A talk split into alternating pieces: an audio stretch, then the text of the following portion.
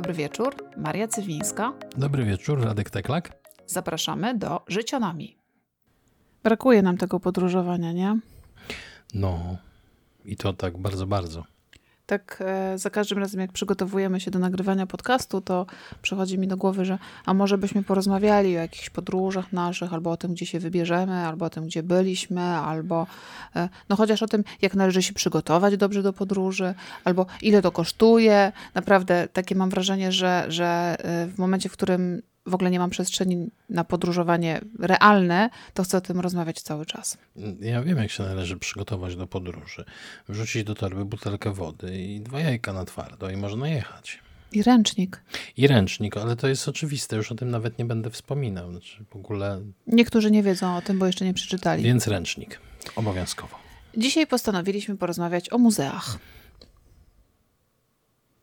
Przepraszam, zasnąłem, bo muzea to jest tak porywający temat. Proszę o ciszę, proszę nie dotykać eksponatów, proszę włożyć bamboszki. Proszę, proszę się odsunąć od eksponatu. Proszę się odsunąć. Znaczy nie, no taka jest prawda. Od niektórych eksponatów odsuwał nas dźwięk alarmu, ale z jakiegoś powodu mi bo młodszym pewnie już nie, ale mi mm, cały czas muzea jeszcze gdzieś takie, ja bardzo lubię muzea, żebyśmy się dobrze zrozumieli, ale cały czas mam takie skojarzenia, taki dreszcz mi przelatuje po plecach, że na pewno tak mnie ktoś obsztorcuje. Jak się za bardzo przechylę, to ktoś podejdzie i mnie aresztuje w ogóle, a wszyscy będą mi zwracać uwagę, żeby niczego nie dotykać i nie przyglądać się za bardzo, bo farba schodzi i się łuszczy z obrazów. Na szczęście obejrzeliśmy oboje tyle muzeów, że już wiem, że to jest nieprawda. Tak naprawdę e, pomysł na ten e, odcinek przyszedł nam do głowy, mm, jak byliśmy na, e, na taki krótki weekend, pojechaliśmy sobie nad morze i wracaliśmy odwiedzając elektrownię w Żarnowcu. Ale nie atomową. Nie atomową. Tylko tą szczytowo-pompową. Szczytowo-pompową, czy szczytowo-zrzutową, czy cokolwiek mm -hmm. takiego. W każdym razie wodną.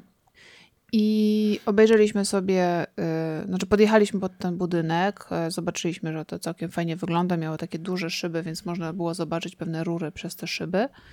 Zobaczyliśmy też takie ogromne rury, które e, na y, zboczu e, były ustawione i jak rozumiem nimi woda krąży w to i z powrotem. Nimi woda spływa i robi czary z turbiną, a później się chyba tymi rurami wpompowuje ją z powrotem. I zatrzymaliśmy się, żeby zobaczyć, bo tam były jakieś takie tablice informacyjne i nic z tych tablic żeśmy nie zrozumieli. To znaczy, pewnie gdybyśmy przeczytali trzy razy, to byśmy zrozumieli i byśmy sobie przypomnieli, szczególnie ja, lekcję fizyki, ale mm, niewiele to było. Tam jakby mm, sposób prezentacji tej, tej wiedzy był taki, że no, ani nie porywał, ani słowacki wielkim poetą nie był, Pro... Więc mhm. jak miał zachwycać, skoro nie zachwycał? Bo tu problemem nie było to, że my jesteśmy głębi z fizyki.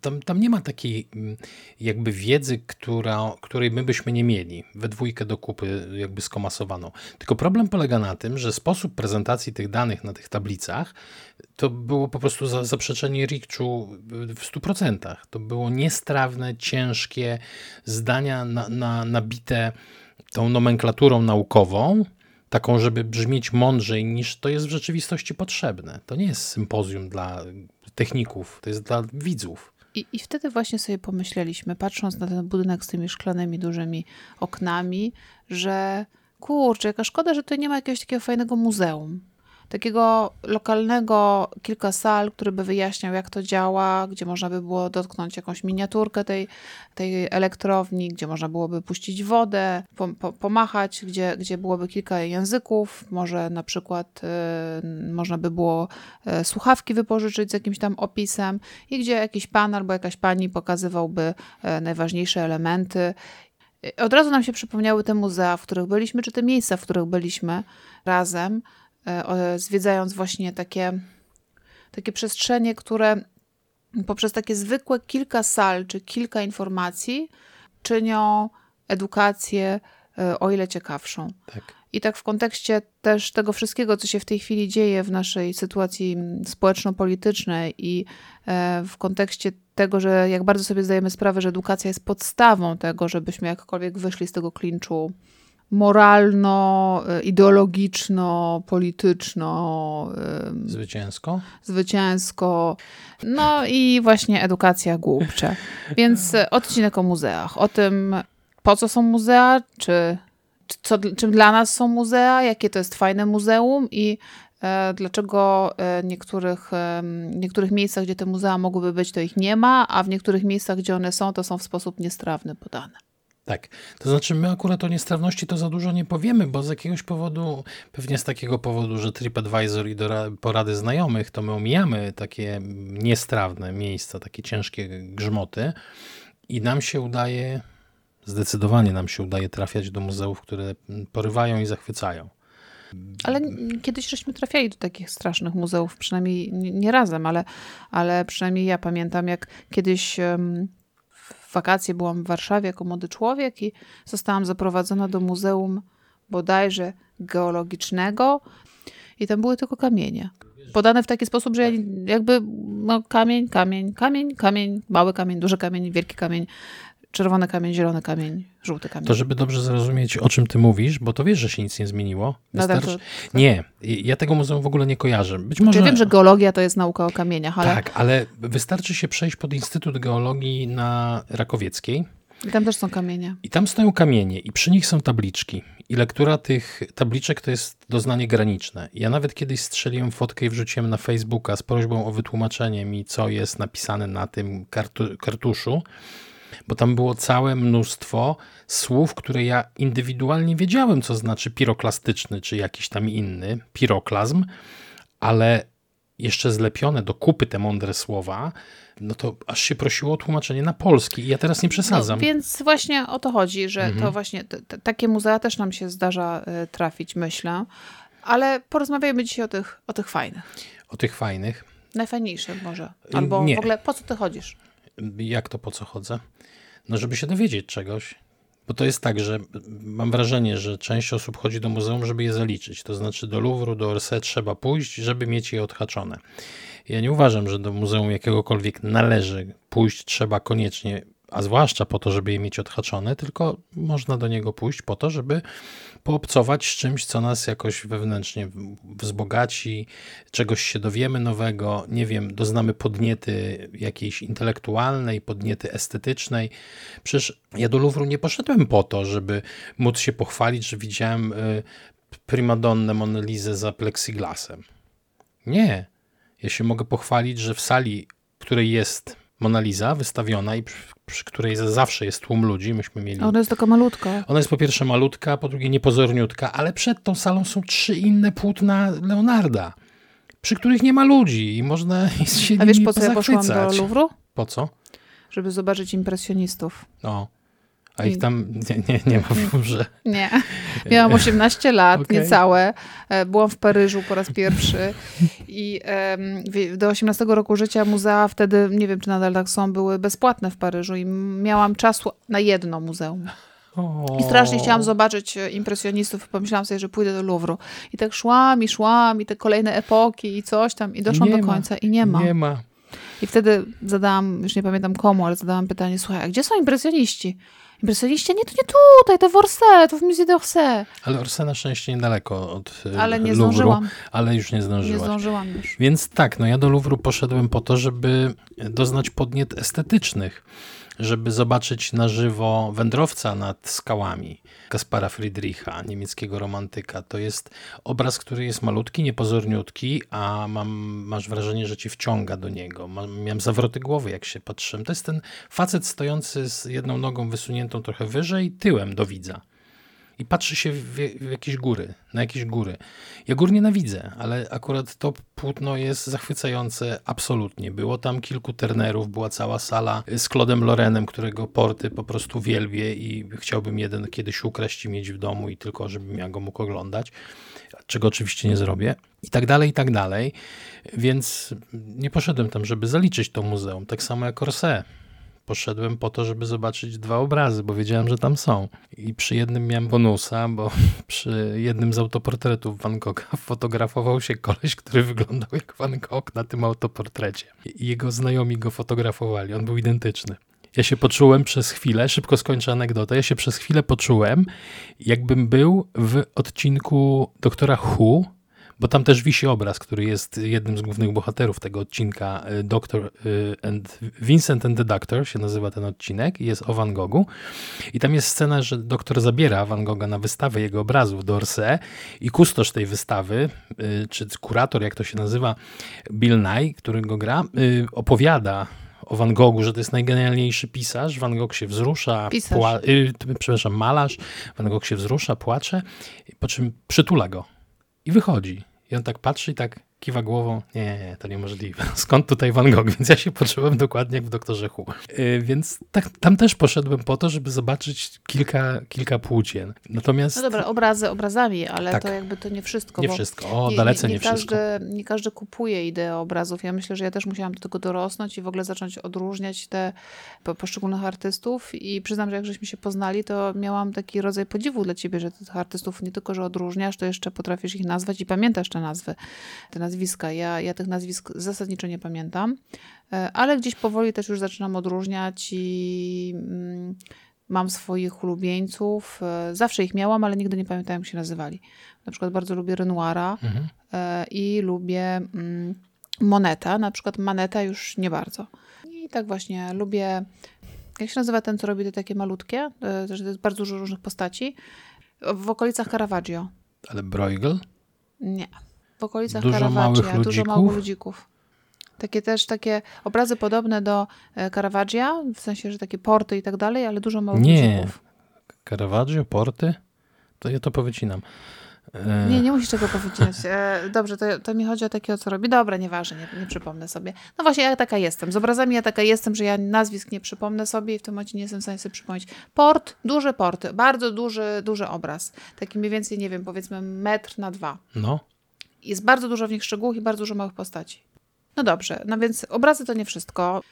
Ja bardzo mam, zawsze mam problem z mm, tak zwaną prędkością muzealną. Mnie kręgosłup zaczyna boleć, Mhm. kiedy chodzę po muzeach. To jest jakiś rodzaj takiej tej prędkości, nie wiem, 2-3 km na godzinę, kiedy najwyraźniej tak obciążam swój kręgosłup lędźwiowy, że ja potem muszę usiąść i naprawdę nie jest dobrze. Totalnie wolę chodzić te przeciętne 6 km na godzinę. To jest dla mnie dużo bardziej naturalne tempo. E, więc dla mnie te muzea bywają też męczące fizycznie. muzea powinny oferować swoim widzom rowery. Rowery? Tak, podjeżdżasz na rowerze, opierasz się o ramę, patrzysz na obraz, zbliżasz się, podchodzisz, po czym wsiadasz. To nie jest tak przecież, że w Louvre się zatrzymywałem przy każdym obrazie, bo każdy chciałem zobaczyć. Tam jest bardzo dużo Nie, ale jak ja już chciałam wracać, to ty Konfekcji. musiałeś polecieć jeszcze raz. Tak, bo ja dopiero później zauważyłem, że tam jeszcze wiszą angie, angielscy romantycy w kącie. I tam właśnie Turnera wyhaczyłem. Whatever.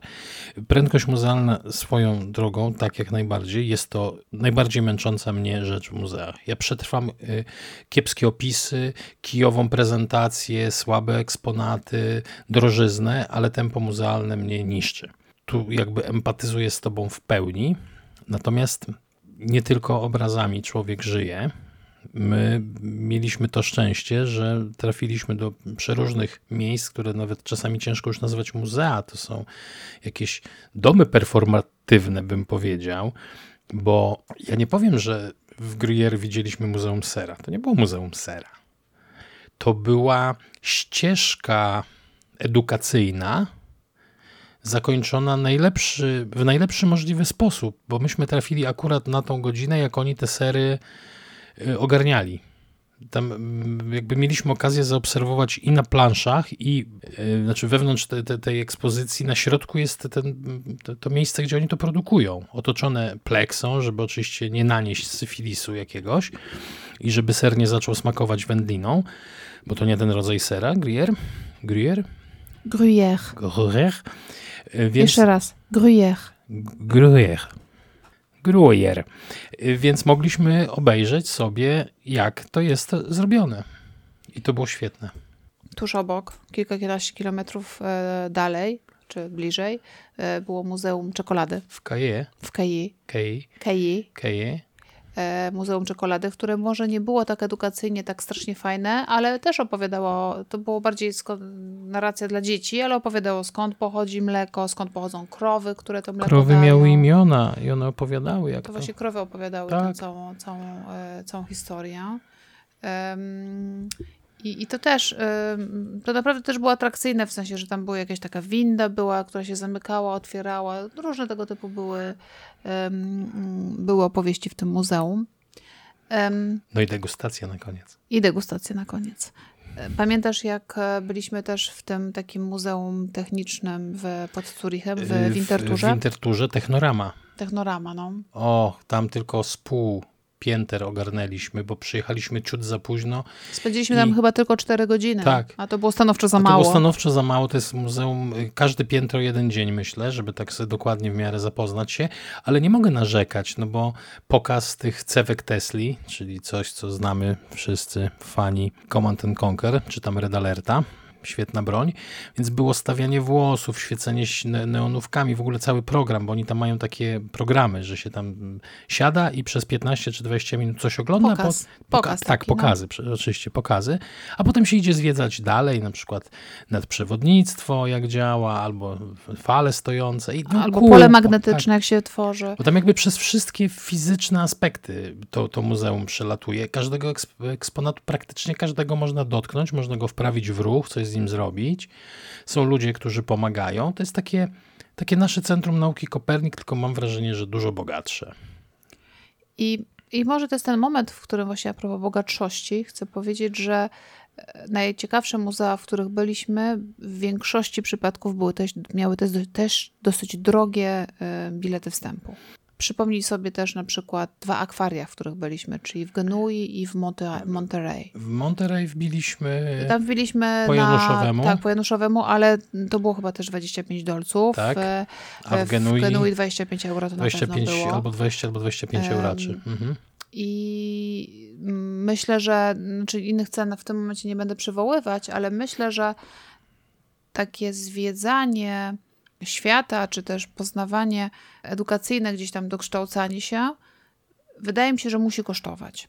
Zakładam, że jest, są być może muzea, które są albo darmowe, albo prawie darmowe, albo y, płaci się co łaska, zresztą są takie w Stanach mhm. E, i one też są ciekawe, ale co do zasady, ja uważam, że za dobrze podaną edukację powinno się płacić, jeśli cię stać, a jeśli ci nie stać, to powinno być jakiś system taki, żeby dzieciak, którego nie stać, też, mógł też wejść, mógł mhm. wejść i jego rodzina też mogła się pobawić, też mogła się cieszyć tą, tą, tą, tą edukacją. Natomiast one mogą być jakoś tam dofinansowane, ale zasadniczo, żeby była dobra wystawa, żeby był dobry jakaś narracja edukacyjna, żeby te eksponaty były fajnie pokazane, podane, żeby tam byli jacyś animatorzy, żeby te pokazy, to wszystko kosztuje. Tak. To jest coś, co być może kiedyś ja w ogóle jak podróżowałam, nie brałam pod uwagę tego typu kosztów, bo one mi się wydawały zbędne, bo kiedyś, nie, no jak to wydać 100 zł na bilet e, wejściowy gdzieś, kiedy cały budżet to 300 było. Mhm. Ale teraz, kiedy trochę już e, stać mnie na trochę więcej, to ja naprawdę uważam, że to jest bardzo ważne, żeby uwzględnić takie coś w swoim budżecie bo podróże kształcą, to wiemy, one kształcą, bo możemy spotykać różnych ludzi, bo możemy poznawać e, nowe kraje, języki, ale właśnie też dlatego, że możemy odwiedzić takie instytucje e, kultury. kultury tak? Mhm. Nie, nie, no umówmy się, w ogóle ja nawet za najsłabsze muzeum, bo być może to najsłabsze muzeum jest najsłabsze nie dlatego, że tam pracują jakieś tłuki, tylko nie ma hajsu. Oni mają już opatrzone eksponaty, oni już wiedzą, gdzie pojechać, żeby je kupić.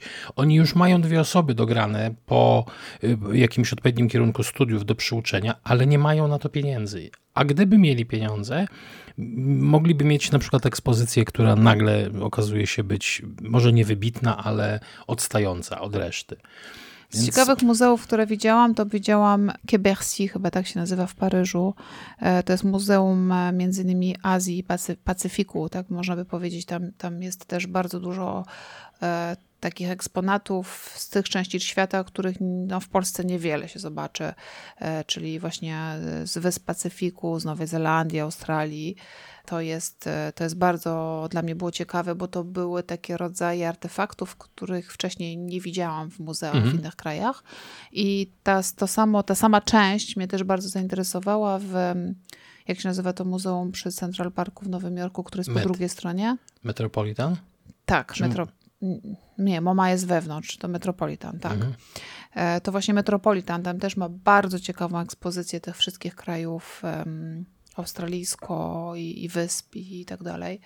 Bardzo polecam e, z punktu widzenia też takiego, że raczej to widzimy na zdjęciach albo w filmach tego Tak. typu eksponaty. Mało znamy tam ten rejon, właściwie Azja to nam się kojarzy z tajskim jedzeniem, z Wietkongiem i z Bruce'em Lee. To jest jakby koniec, a te wszystkie wyspiarskie, jakieś Tonga, jakaś Nowa Zelandia, jakaś Tasmania, te wszystkie jakieś takie małe, dziwne rzeczy. Małe figurynki z Tak. drewna, które gdzieś pokazują dziwne Mhm. rzeczy, jakieś e, dla mnie też zawsze są ciekawe te związane z, em, z różnymi tradycjami związanymi z seksem, Z czy też właśnie z płodnością. płodnością, Mhm. jakieś wielkie penisy albo ogromne waginy.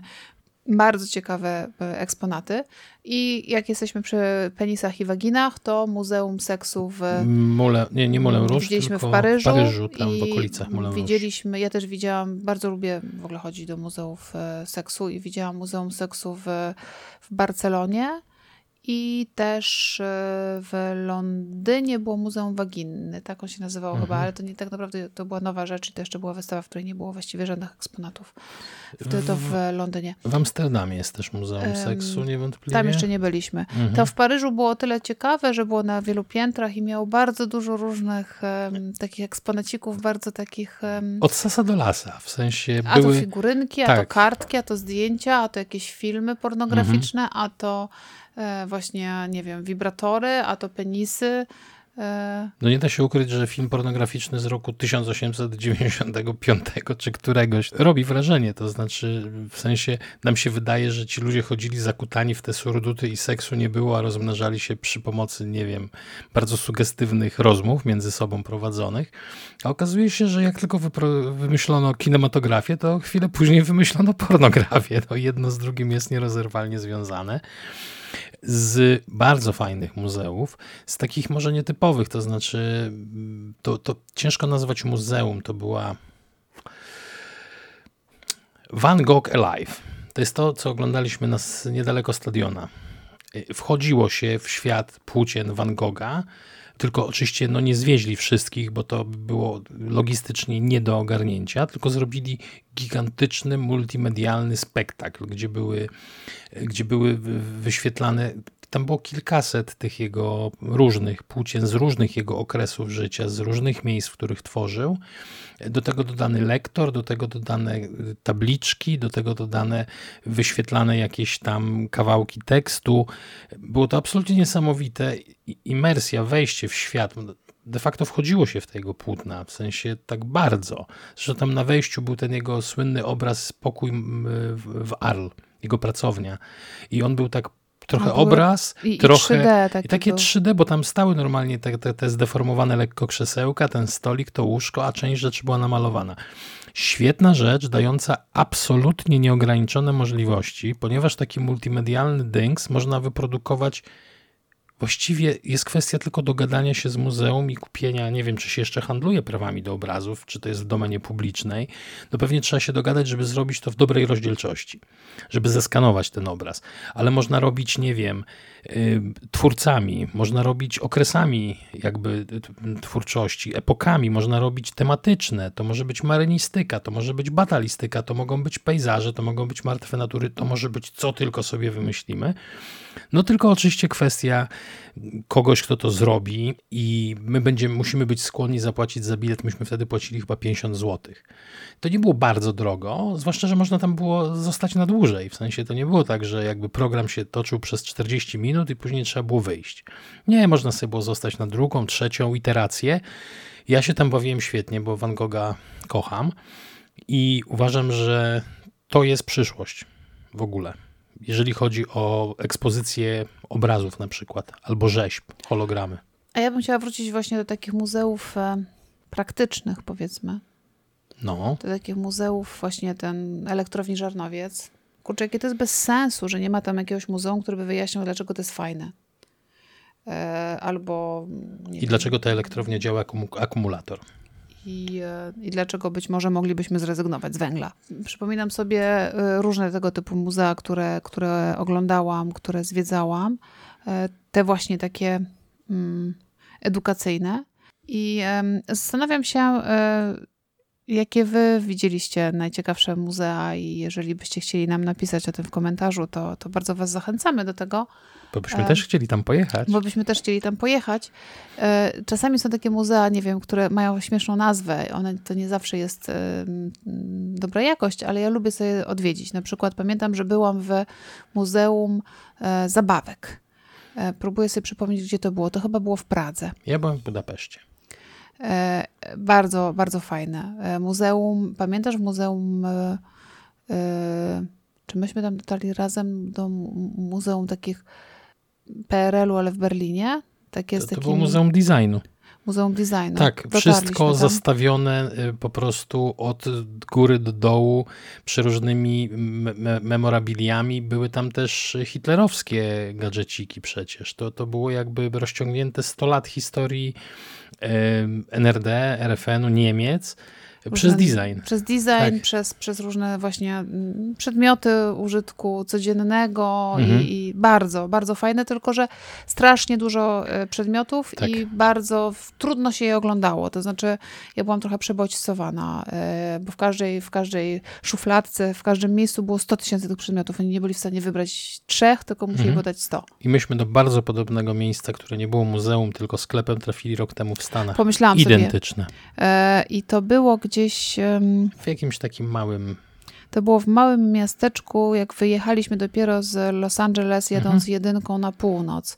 Jakieś pewnie godziny od Los Angeles, może dwie. Coś takiego. E, I rzeczywiście trafiliśmy do takiego sklepiku, gdzie były przedmioty, które można było kupić i było wszystkie naćkane. I tak, dokładnie miałam to samo skojarzenie, tak. kiedy zaczęliśmy mówić o tym Muzeum Designu w Berlinie z polskich muzeów, które y, zrobiło na mnie ogromne wrażenie, to myślę, że Muzeum II Wojny Światowej w Gdańsku. A tak, niewątpliwie miałem o nim wspominać, bo jest to bardzo nowoczesna wystawa. To znaczy, to nie jest takie pokryte kurzem coś, tylko świetna rzecz. Ona niestety została już zniszczona politycznie.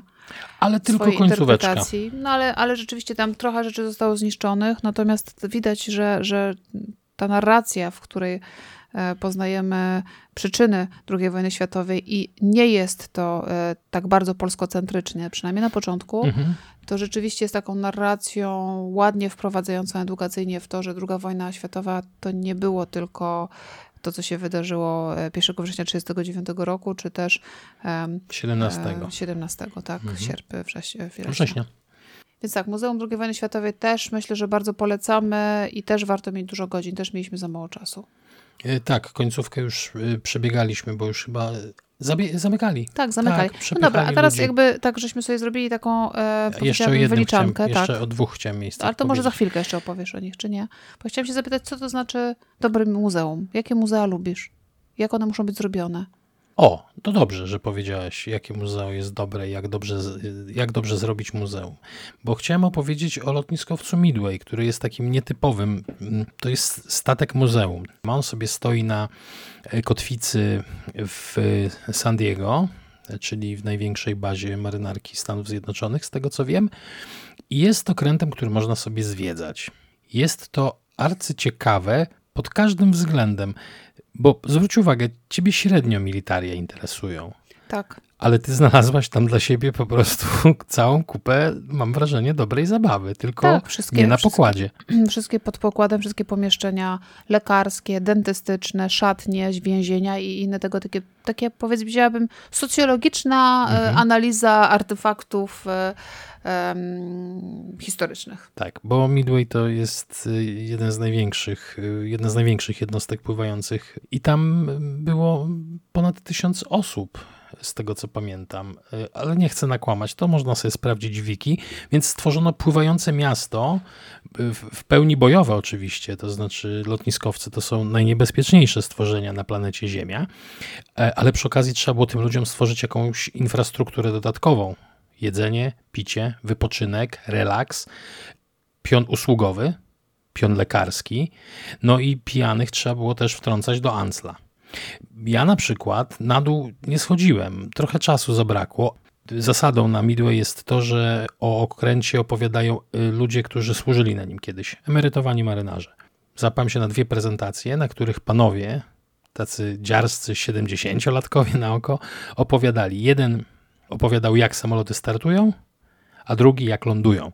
I ja tam przy tych dwóch prezentacjach spędziłem ponad godzinę, której mi zabrakło, żeby obejrzeć sobie więzienia i innych dentystów, ale to było tak interesujące i ja teraz rozumiem, jak to jest genialne logistycznie y, przedsięwzięcie lotniskowiec. A jak jeszcze bardziej genialnym logistycznym posunięciem są starty i lądowanie na tymże lotniskowcu. Więc Midway jest dla mnie jednym z przykładów muzeum idealnego. Mam wymyślony przykład muzeum idealnego. Mhm. Jako człowiek z mojego miasteczka, wychowany na wsi, uważam, że każdy powinien, no, moim zdaniem, każdy powinien wiedzieć, skąd się bierze żywność. Każdy powinien wiedzieć, jaką drogę pokonuje zboże od kłosa do naszego stołu, w formie bochenka chleba kończy na naszych talerzach. Więc ja sobie wymyśliłem, bo jest kupa skansenów w Polsce, gdzie są jakieś tam stare domki, są jakieś stare przyrządy w środku i czasami są ludzie, którzy opowiadają o tym. Natomiast moim marzeniem jest, żeby ten skansen nie był zabytkowym, zabytkową wsią. Nie, możemy sobie nawet zbudować ją od początku.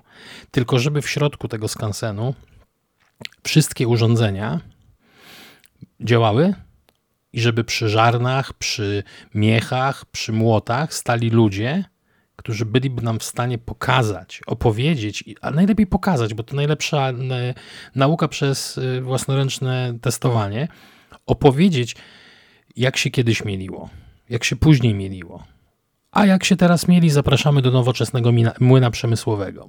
Natomiast tu możecie zobaczyć, jak było na żarnach, jak było tak, jak było srak, jak było owak. I Jezu, jak ja bym zwiedzał taki, taki skansen, to po prostu byłbym tam co miesiąc prawdopodobnie. I nie dlatego, że ja nie wiem, na czym to polega, bo ja, ja, ja się na wsi napatrzyłem, ja wiem, na czym to polega, ale w dalszym ciągu uważam, że to jest mega pouczający i mega interesujący temat. Jest fantastyczna sprawa. Taka technorama, ale w skansenie. Ło, każde pieniądze bym zapłacił. Więc dla mnie idealne muzeum to jest takie, gdzie ludzie, którzy się znają, opowiadają o co chodzi w tym wszystkim i połowy rzeczy możesz dotknąć. Możesz nią poruszyć, możesz, nie wiem, rękę w to wsadzić. Nauka przez zabawę to jest chyba najwdzięczniejsza forma nauki. Ja myślę, że takie Muzeum Chleba to bym bardzo chętnie zobaczyła. E, chętnie bym też zobaczyła Muzeum pieroga. Nie wiem, dlaczego nie mamy w Polsce Muzeum Pieroga i Zupy. Może mamy. Może mamy Właśnie, jakieś małe. Jak ktoś wie, to tak. prosimy o cynę. Bo Muzeum Wódki to w samej Warszawie dwa są. Bardzo też lubię różnego rodzaju muzeum motoryzacji, ale zazwyczaj one mnie też oszałamiają y, ilością rzeczy, więc tak dosyć mhm. szybko przechodzę, myślę, przez te, te różne eksponaty. Chciałabym też, żeby te wystawy miały jakiś, jakiś sens. To znaczy, pamiętasz, jak byliśmy w, we Florencji, w Uffizi, w Uffizi tak, mhm. w galerii Uffizi. I tam była taka jedna sala, o której zawsze pamiętam, ta sala, w której były głowy. E, w sensie... E, były cztery obrazy. I wspólnym punktem tych obrazów były głowy. Obcięte, obcięte głowy. głowy. Na jednym obrazie był Jan Chrzciciel, na tacy. Mhm. Na drugim obrazie był Mojżesz obcinający głowę swojemu synowi. Abraham. Abraham. Ofiara, no ofiara Abrahama. Tak, oczywiście Abraham. Mhm. Ale to nie jest tak, że ja jestem ignorantką. Ja naprawdę mam problem z nazwami własnymi. E, na trzecim obrazie był Dawid i Goliat.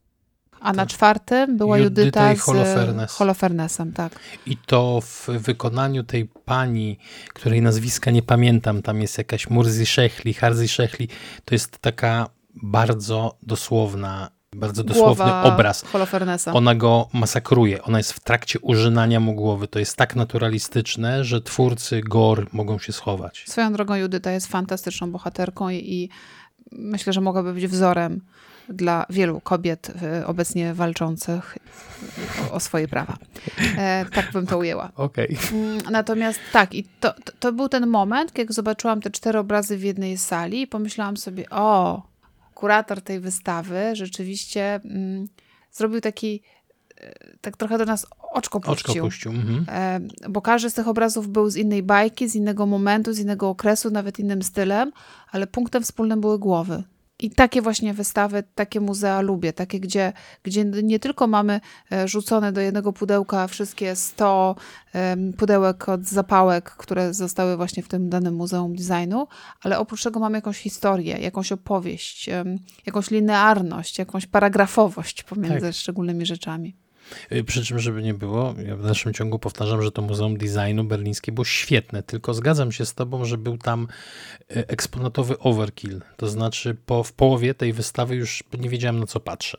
Ja też bym chciała, żebyśmy mm, zdawali sobie sprawę, żeby w Polsce zdawano sobie sprawę, że takie muzeum może być e, źródłem e, biznesu. Chciałabym, żeby powstawały prywatne muzea i chciałabym, żeby one dawały taki sam fan, e, jak, e, jak różne inne takie bardzo wzniosłe i historyczne.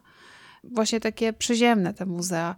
Trochę mi się to kojarzy jak um, nauka podstawowa i taka nauka bardzo poważna i ta nauka aplikacyjna, taka przyziem, bardziej przyziemna, bardziej stosowana. I tak samo bym chciała, żeby było z muzeami, że niektóre rzeczywiście mogą być e, bardzo podstawowe pokazywać, czy to obrazy, czy to jakąś historię, która jest dla nas trudna albo ważna, mm, jak Muzeum na przykład II wojny światowej, czy też e, no gdzieś cały czas w tyle głowy w czasie naszej rozmowy mam Muzeum Rzecz Jasna w Auschwitz. Auschwitz, Muzeum e, Powstania. Muzeum Powstania Warszawskiego. Mhm. I to są ważne miejsca, takie powiedziałabym muzea symbole, czy muzea pełniące swoją e, rolę taką patriotyczną i, i ta edukacja w tym przypadku nie jest związana z wiedzą, ale bardziej z jakąś postawą, czy z jakąś um, nauką obywatelskości też wynikającą z tej narracji, to, to jest piekielnie ważne, żeby tę narrację dobrze poprowadzić i też, żeby potem jej politycznie nie, nie zniekształcić. Ale właśnie są też takie muzea e, chleba, wódki, seksu, czy też e, biznesu, biznesu czekolady i sera. Mhm. E, I, i one również mogą pełnić swoją rolę spotkania z, z, z, czymś ciekawym. To mogą być muzea takie dla, dla nerdów, dla geeków. I, i o, E, muzeum... Pinboli. Mm, pinboli, nie. Myślałam o tym muzeum też w Gruyère, e, w miejscowości Gruyère, e, tego pana, co to zrobił. Hansa Rudiego Gigera.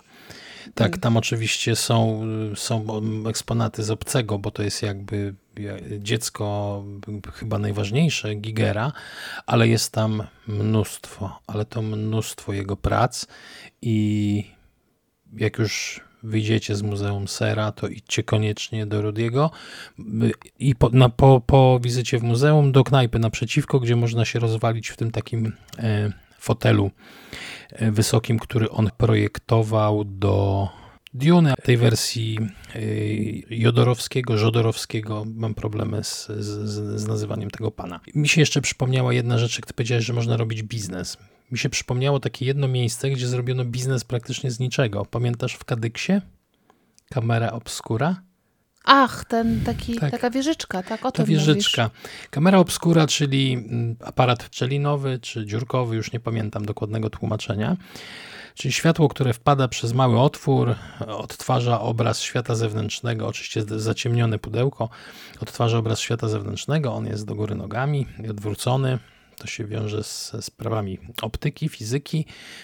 I pierwszą kamerą obskurą się spotkałem na żywo, jak jechałem na pacę samochodu do przeprowadzek i światło wpadało przez dziurę w plandece.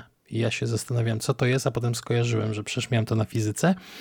A w Kadyksie zrobili sobie na najwyższym punkcie starówki, bo to jest chyba najwyższy punkt starówki, nie całego miasta, ale starówki, Zrobili sobie właśnie taką kamerę obskurę, gdzie kręcąc w kółko, bo oczywiście można to kręcić, można oglądać sobie kawałki miasta w wersji 1 do 1 fotograficznej. Rewelacja. E, nakład to jest taki jakby peryskop. W sensie otwór, przez który wpada światło i systemem zwierciadeł rzucony na taką misowatą powierzchnię, żeby tam uniknąć jakichś e, zniekształceń w odwzorowaniu, czy też żeby to się lepiej oglądało. E, koszt podejrzewam 18-22 dwie butelki wina dla Józefa, żeby wykopał dół, czy co tam trzeba zrobić. Natomiast zabawy jest kupa, bo oglądanie miasta pod, pod własnymi stopami niemalże panoramę tego miasta z góry. I to wiecie, patrzy się i ludzie chodzą, to nie jest fotka statyczna. Tam ludzie idą, ludzie rozkładają parasole, bo my akurat trafiliśmy na, w Hiszpanii wtedy na urlopie na większość pochmurnych dni, jakie w Hiszpanii była w tym roku. E, więc ludzie rozkładają parasole, ludzie wsiadają do samochodów, ludzie wsiadają na rowery. To się na żywo rozwija przed naszymi oczami i jest efekt po prostu, e, nawet jak się wie, jak to działa, to jest efekt absolutnie zwalający z nóg i zniewalający. Ja byłem zachwycony kamerą obskurą e, w, w Kadyksie i, i to, to są rzeczy, które można robić tanim nakładem środków. Jest jeszcze coś, co myślę o tych muzeach, że kiedy się podróżuje, człowiek ma trochę wolniejszy umysł i być może ma czas właśnie, nie wiem, na, na czytanie książek, na, na mm, czytanie rzeczy, których być może w ciągu roku, na które nie ma czasu. I myślę, że to jest właśnie takie muzeum, to jest takie zatopienie się przez chwilę, przez parę godzin w, mm, w tematyce, e, która być może nie jest dla ciebie najbardziej interesująca na świecie, która być może nie jest dla ciebie najważniejsza na świecie, ale ty możesz, masz ten czas, e, żeby się zatopić w tym temacie, żeby na chwilkę dowiedzieć się dużo więcej niż potrzebujesz. E, I, i, I takie są te muzea. To są takie E, przystanki, głębokie przystanki e, wiedzy niekoniecznie potrzebnej. Tak zwana wiedza zbędna. Albo po prostu wiedza dodatkowa. To jest wiedza na szóstkę. To było na sprawdzianie pytanie dodatkowe, za które można było dostać ekstra punkty. Tak, i to jest właśnie, to są muzea. Tak. Muzea to jest takie, to jest takie te ekstra punkty do, do erudycji, to, to, to jest taka wiedza niekoniecznie potrzebna, to jest wiedza, która potem zostaje albo i nie i wraca. I um, Druga rzecz, którą chciałam powiedzieć już e, zbliżając się do końca, to oczywiście Canaletto. Nie Caravaggio, nie Botticelli. Canaletto. Canaletto. Porty, dużo postaci i ogromny szczegół. My Polacy, Marysia, ty może się czujesz francuską, ale my Polacy Canaletta znamy tylko z jednej jego y, rzeczy. Do większość Polaków. Na podstawie jego obrazów było odbudowywane Stare Miasto. Ja wiem, bo te Taka, obrazy nawet przecież na tak. krakowskim przedmieściu są, ale dużo, dużo ciekawsze są e, jego obrazy sportów. Mhm. Ja właśnie w Londynie widziałam takie obrazy, tak stałam i stałam i po prostu nie mogłam się napatrzeć na te szczegóły, które są tam narysowane, na te rzeczy, które tam się dzieją. Dużo małych ludzików? Dużo małych ludzików. Canaletto. Ale mhm. tak, będziemy chyba się powoli już y, y, zbliżać do końca. I mam nadzieję, żeśmy Was nie zarzucili za dużą liczbą muzeów, chociaż pewnie wspomnieliśmy może połowę, może jedną trzecią takich, które widzieliśmy, a może tak naprawdę może mniej. jeszcze mniej. E, bo chyba e, marzymy tak bardzo o tym, żeby znowu pójść do jakichś ciekawych miejsc, żeby znowu nabyć trochę tej wiedzy niepotrzebnej. E, pewnie też potrzebujemy trochę takiej mm, takiego spokoju, e, takiej, takich momentów, kiedy nie musimy się niczym przejmować, e, takiej serenity, takiego takiego otwartej duszy, bo wtedy, wtedy właśnie może, można poznawać, znaczy ja nie wyobrażam sobie chodzić po muzeum i denerwować się czymś, co się dzieje w pracy. To się ze sobą kompletnie nie, nie, nie, nie klei. E, więc żeby dobrze zobaczyć, dobrze zwiedzić muzeum, trzeba sobie uwolnić umysł.